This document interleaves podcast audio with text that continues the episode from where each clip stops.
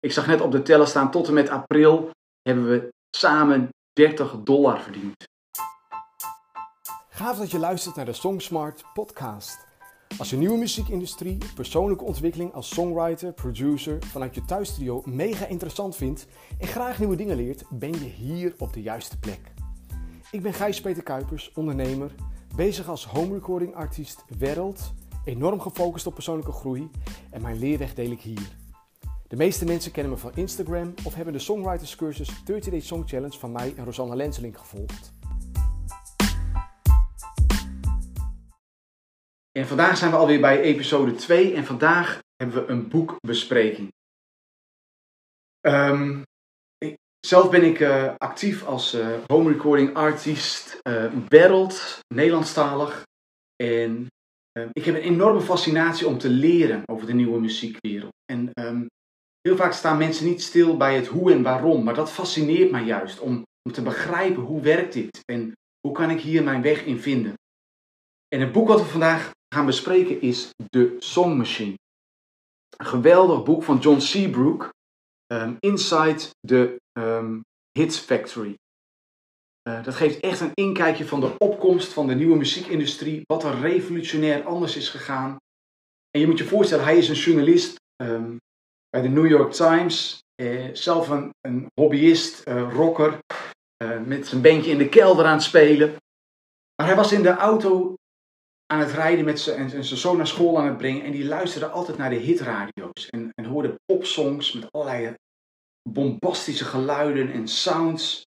En hij, het fascineerde hem. Zegt hij, wat maakt deze dingen een hit? En hij ging daar zich in verdiepen en kwam met het fascinerende verhaal. De Song Machine. Nou, er zijn een aantal dingen um, die dit boek uh, uh, weergeeft. En het geeft een fascinerend inkijkje in de keuken van de nieuwe muziekindustrie. Heel belangrijk um, is het om je speelveld te leren kennen. Als jij bezig gaat in de nieuwe muziekindustrie, hoe werkt het? En nog belangrijker, hoe werkt het voor mij? Nou, een van de dingen wat, wat de wereld op zijn kop heeft gezet, weten we allemaal wel, is het internet. En het heeft op allerlei facetten en gebieden heeft dat uh, een geweldige impact gehad. Ook in de muziekindustrie. Ik ga vandaag een aantal dingen bespreken. Uh, op welke vlakken dat het heeft veranderd. Um, allereerst, uh, wat het revolutionair heeft veranderd, het internet, is hoe muziek wordt gemaakt. Als je vandaag de dag bij de hits kijkt en bij de muziekcredits, dan zie je wel een vier, vijftal, zestal namen staan. En dat laat één ding heel duidelijk zien. Internet heeft de wereld samengebracht. Daarin worden kennis en ideeën gedeeld. En ook in de muziek. De hits worden vandaag tegenwoordig geschreven door een team en door teams. En iedereen heeft daar een verschillende rol in. Je hebt um, een producer die achter een computer werkt. Tegenwoordig hoef je niet meer een, een volledige muziektheorie te kennen. Uh, heel veel dingen staan gewoon in de computer. Er zijn geweldige sounds. EDM heeft een geweldige opmars gemaakt. Electronics dance muziek. Mensen kunnen gewoon met hun computertje hits schrijven. In hun thuisstudio, op hun slaapkamer. Uh, maar er zijn producers bij betrokken dus. Uh, muzikanten voor een vibe, om, om een mooie vibe te vinden of een akkoordprogressie. Je hebt topliners die hooks inzingen zonder dat er al een tekst is bedacht. Denk aan uh, Esther Dean bijvoorbeeld, geweldige topliner. Um, met een geweldige stem, maar die vooral melodieën of hooks maakte op beats. En uh, van daaruit kwamen de tekstschrijvers ingevlogen en die maakten daar een tekst op. Je hebt artiesten die het lied um, um, etaleren en, en performen. Maar je hebt dus allerlei mensen op de voor- en de achtergrond. Uh, producers dus, zoals ik al zei, singer-songwriters, muzikanten, um, topliners, tekstschrijvers en uiteindelijk ook artiesten. Hits schrijven is een teamsport. En ik denk dat het is voor jou ook belangrijk, voor jou en mij, om te weten, als wij goede liedjes willen schrijven, zullen we moeten samenwerken. Maar de kansen en de mogelijkheden zijn groter dan ooit dankzij internet. Um, denk eens bij jezelf na. Als jij een liedje schrijft, als ik heel eerlijk ben naar mijn liedjes die ik schrijf, dan is een derde goed. Bijvoorbeeld misschien is het verse heel goed of de chorus. Um, maar een derde is redelijk, oké. En een derde is gewoon prut.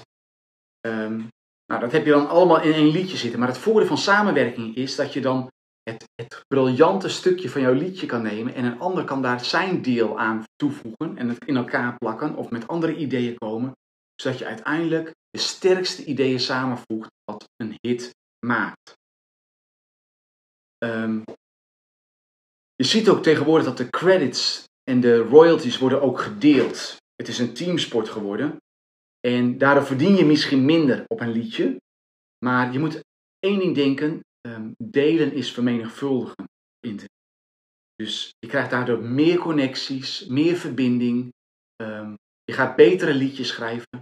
Dus er zullen ook meer mensen naar jouw liedjes luisteren. Samenwerken is de key. Dus dat is een van de takeaways uit dit boek, wat heel duidelijk is gebleken. Het is zo veranderd. Je hoeft niet meer een genius te zijn, maar je kan een team samenstellen van geni geniussen uh, of genieën en samen je krachten bundelen. Het voordeel door samenwerking is ook dat, er, um, dat je ook heel vaak ziet dat er features in liedjes komen. Dat, dat iemand meezingt. En het mooie daarvan is dat je ook in elkaars fanbase kan tappen. Dus um, daardoor krijg je ook organische groei. Als jij wil groeien op Spotify, is het heel goed om samen te werken. Samen te werken met andere artiesten. En dat kan door samen een liedje te schrijven, maar dat kan ook zijn door een feature in jouw song. Dus dat is het eerste takeaway. Het allerbelangrijkste door internet is het radicaal veranderd hoe muziek gemaakt wordt. Nou, het tweede wat enorm veranderd is, is hoe muziek gedistribueerd wordt. Uh, hoe uh, de verhoudingen liggen in de muziekindustrie. Vroeger had je platenbazen, die konden je maken of breken. Je, had, je tekende daar een contract. Uh, het was soms een burgercontract, ze gaven je heel veel geld, maar daarna moest je als een slaaf voor hun werken, omdat jij een contract had getekend. Nou, door internet is de hele hiërarchie in allerlei organisaties en ook in de muziekindustrie heel plat geworden. Je hebt tegenwoordig indie-artiesten die op hun eigen naam kunnen gaan werken. Je ziet eh, bands die zeggen zo, wij hebben geen record label meer nodig. Wij gaan ons eigen label beginnen, we gaan het zelf uitbrengen. Dus um, uh, het is veel democratischer geworden, het is veel autonomer geworden. De hiërarchie is radicaal veranderd. Je ziet nog wel dat artiesten soms platencontracten tekenen, omdat je daardoor meer brede netwerken, bredere netwerken hebt en meer steun. Uh, maar sowieso, de distributie is radicaal veranderd. Eén klik op de knop uh, via een, uh, een, distributeur zoals DistroKit um, brengt je op allerlei platformen op internet. Je hebt geen winkels meer nodig waar cd's gekocht moeten worden. Je kan het gewoon allemaal zelf doen. Thanks to internet. Geweldig! Een van de dingen wat je de laatste tijd ook zag, is dat uh, Taylor Swift, die, die kwam niet onder een contract uit of, of on, onder, uh, met een manager die de um, master, uh, hoe zeg de master recordings in zijn bezit hield, terwijl zij de liedjes gecreëerd had. Maar je ziet dat zij nou slim is en via internet haar fans contact opneemt. Zegt, ik ga al mijn voorgaande albums, ga ik zelf opnemen en beluister die versies, want daardoor krijg ik rechtstreeks de royalties. Je ziet dus iemand, een artiest, die via internet haar eigen rechten terugkleedt. En dat zo ook kan doen. Uh, super fascinerend zijn die dingen. Dus de distributie, de machtsverhoudingen zijn radicaal veranderd. En dat is het mooie voor jou, en dat is goed nieuws, want jij kan vanuit jouw slaapkamer, kan jij hits uitbrengen. Je hebt daar tegenwoordig fantastische middelen voor. Het kan goedkoop. Dat is ook het mooie van internet. Doordat er heel veel kennis gedeeld wordt, um, wordt alles ook goedkoop. En uh, het geeft jou enorm veel kansen. Dus de tweede takeaway is de machtsverhoudingen. More power to you. Hè? En dat is het mooie. Dus hoe muziek gemaakt is veranderd, de machtsverhouding, de distributie is veranderd. En een andere takeaway is hoe muziek geluisterd en geconsumeerd wordt. Door internet zijn er ook miljoenen creatives bijgekomen die zelf als indie-artiest zijn begonnen. Uh, nou, zelf ben ik in 2020 begonnen dat ik dacht van, hé, hey, ik kan ook liedjes schrijven. Ik vind het leuk. Ik ga van mijn hobby mijn jobby maken. Ik ga daar ook mee aan de gang. En misschien ben jij ook zo. Maar tegelijkertijd uh, wordt er dus heel, is er heel veel ruis op de lijn. En, en, en klikken mensen je ook zomaar weg. Als ze een liedje naar, naar, naar binnen 20 seconden niet leuk vinden, klikken ze je weg op Spotify.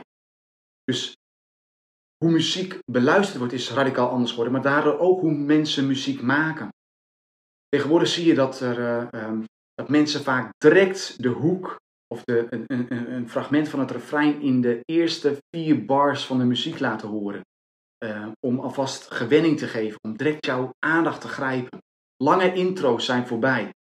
Want je hebt maar um, in minder dan 30 seconden moet je mensen bij de lurven grijpen om jouw liedje af te blijven luisteren. Want je krijgt pas betaald voor jouw stream op Spotify als al langer dan 30 seconden geluisterd Dus hoe mensen hun muziek maken en produceren, uh, daar denken ze over na. Ze hebben de luisteraar in gedachten. Ze denken, ik moet die luisteraar de aandacht blijven vasthouden. En um, je ziet dus, liedjes zijn ook veel korter geworden. Um, normaal waren liedjes misschien 4 minuten, 4,5 minuut. Het was al teruggebracht. De meeste hits waren al de afgelopen decennia 3,5 minuut. Maar door de nieuwe muziekindustrie, door, door internet, zijn de liedjes nog korter geworden. Vandaag de dag is het standaard dat een liedje ongeveer maar 2 minuten 50, uh, maximaal 3 minuten is. Je ziet dat de bridge vaak is weggeknipt. En de, de feature artist in de tweede couplet gaat dan vaak heel anders zingen en geeft er een beetje een, een bridge draai aan. Zodat alleen maar de chorus stelt. En don't bore us, get to the chorus. Is een van de beroemde uitspraken uh, in de nieuwe muziekindustrie. Don't bore us, get to the chorus. Dus hoe muziek beluisterd wordt is radicaal anders. En je ziet dat uh, producers als Max Martin of um, uh, Ryan Tedder, die, die denken daarover na en bijna op een wetenschappelijke manier.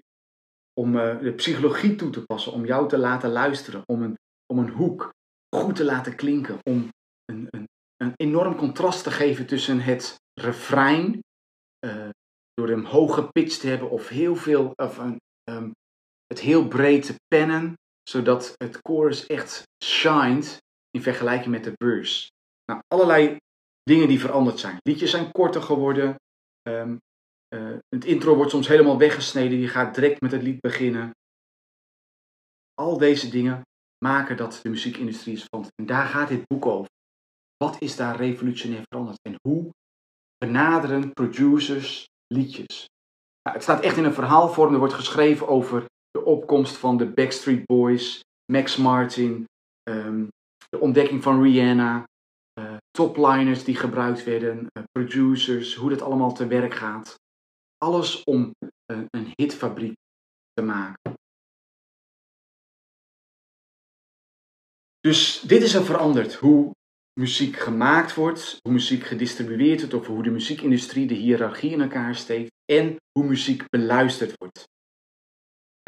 Door internet is, zei ik al, is alles goedkoper geworden. Je streams zijn ook niks meer waard. Weet je wel, ik heb met mijn vrouw, we hebben nou sinds november 2020 liedjes uitgegeven. En er zijn zo'n 18.000 streams geweest. Ik zag net op de teller staan, tot en met april hebben we samen 30 dollar verdiend. Woe! Aan streams. Nou, dat is heel weinig. Uh, maar ik wil je daarin bemoedigen. Um, heb een lange termijnvisie als je elke keer weer een nieuw lied uitbrengt, uh, mensen gaan, als ze dat lied leuk vinden, gaan ze ook je oude liedjes beluisteren. Dus dat blijft vanzelf wel doordraaien. Um, alle begin is moeilijk en je moet er gewoon iedere keer 1% duwtje tegen aangeven. En de bal, zodat de bal blijft rollen en uiteindelijk wordt het een sneeuwbal. Dus heb geduld. Heb een lange termijnvisie. Je gaat niet in één keer een miljoenen hit scoren. Ja, tenzij je heel veel mazzel hebt. Maar, maar, maar wees ervan bewust. En ga eerst voor die duizend fans. Alright, maar hoe wordt er dan geld verdiend door artiesten? Nou, ik denk vooral dat de meeste artiesten vandaag de dag geld verdienen door optredens. Um, door merchandise. Dus door allerlei zijdingen en niet zozeer door de streams. Maar zij komen, door die streams krijgen ze eyeballs en ears voor hun muziek. En van daaruit kunnen ze het uh, vermarkten. Nou, zo werkt het ook voor jou. Ik kies voor een hele andere strategie. Ik kies namelijk niet om op te treden. Ik wil gewoon mensen inspireren met leuke liedjes. En ik zie het als een side business. Maar ik weet niet hoe het voor jou geldt. Het is goed om daarover na te denken. En als je echt jouw speelveld wil begrijpen, ga dan dit boek lezen. Het is leuk om in de vakantie te lezen, fascinerend. Ik heb het ook als audioboek beluisterd tijdens wandelingen. Maar um, het heeft mij veel inzicht gegeven hoe de nieuwe muziekindustrie werkt. Um, je kan dit boek, als jij kijkt in de podcast of in het commentaar uh, of in de beschrijving van dit YouTube-filmpje hieronder, kan je uh, klikken op de link die ik daar gegeven heb. Uh, ik wil daarbij zeggen, het is een affiliate link. Um, voor jou blijft de prijs hetzelfde, maar door op deze link te klikken, geef je mij een kleine commissie die je krijgt van Amazon. Dus dat zou, daarmee help je mij en ondersteun je ook het werk wat ik doe. En dan kan ik bezig gaan om beter content te leveren. Um, maar de biggest takeaways heb je al van mij gekregen hierdoor. En ik hoop dat het je inspireert om je speelveld te verkennen, om ermee aan de slag te gaan en om een succesvolle home recording artiest te worden. Ik wens je heel veel succes, muzikale groet en tot de volgende keer.